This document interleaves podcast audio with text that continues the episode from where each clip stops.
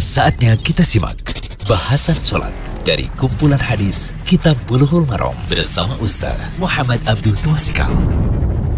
Alhamdulillah, salatu wassalamu ala rasulillah wa ala alihi wa man tabi'ahum di isan ila yumiddin.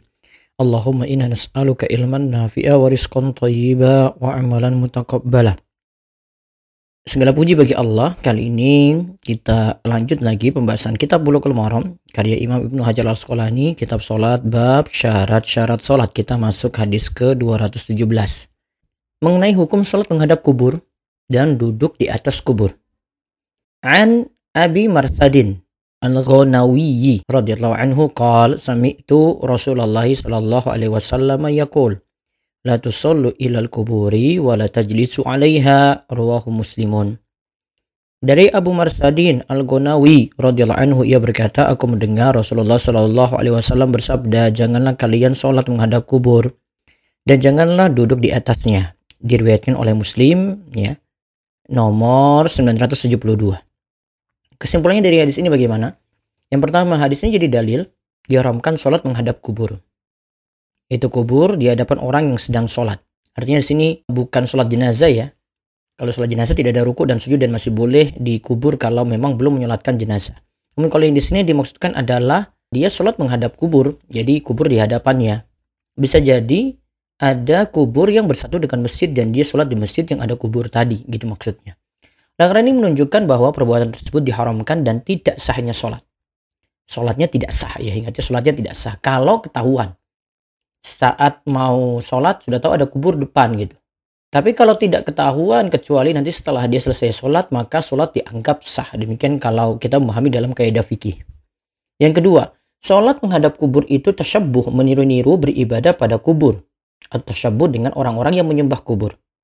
Larangan ini untuk mencegah terjadinya kesyirikan dengan itikaf di si kubur tersebut dan hati pun bergantung padanya. Dengan rasa harap, rokbah, dan rasa takut rokbah. Jadi, kenapa dilarang? Karena ada bentuk tersyabuh. Meniru-niru beribadah pada kubur. Ada orang-orang yang beribadah seperti itu. Kita dicurigai juga melakukan ibadah yang sama walaupun kita niatannya untuk Allah. Larangan ini juga tadi dikatakan mencegah terjadinya kesyirikan ya di situ ya dengan orang itikaf diam berdiam di situ untuk ibadah akhirnya kan ada ketergantungan hati rasa harap rokbah rasa takut rohbah mungkin kata Syekh Abdullah Fauzan. Juga faedah yang ketiga dilarang duduk di atas kubur lebih-lebih lagi menginjak-injak kuburan. Biasanya kalau terjadi ini ketika kita lagi ziarah atau pergi ke makam atau ingin menguburkannya ini perlu hati-hati karena perbuatan seperti ini menunjukkan pelecehan pada hak muslim walaupun itu sudah meninggal walaupun sudah dalam kubur.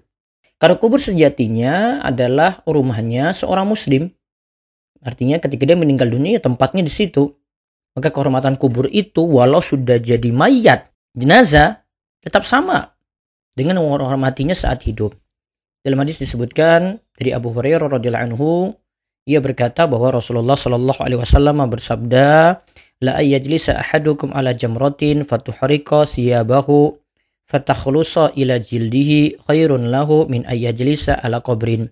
Lebih baik salah seorang di antara kalian duduk di atas bara api hingga membakar pakaian dan kulitnya daripada duduk di atas kubur. Ingat sampai dikatakan gitu tuh.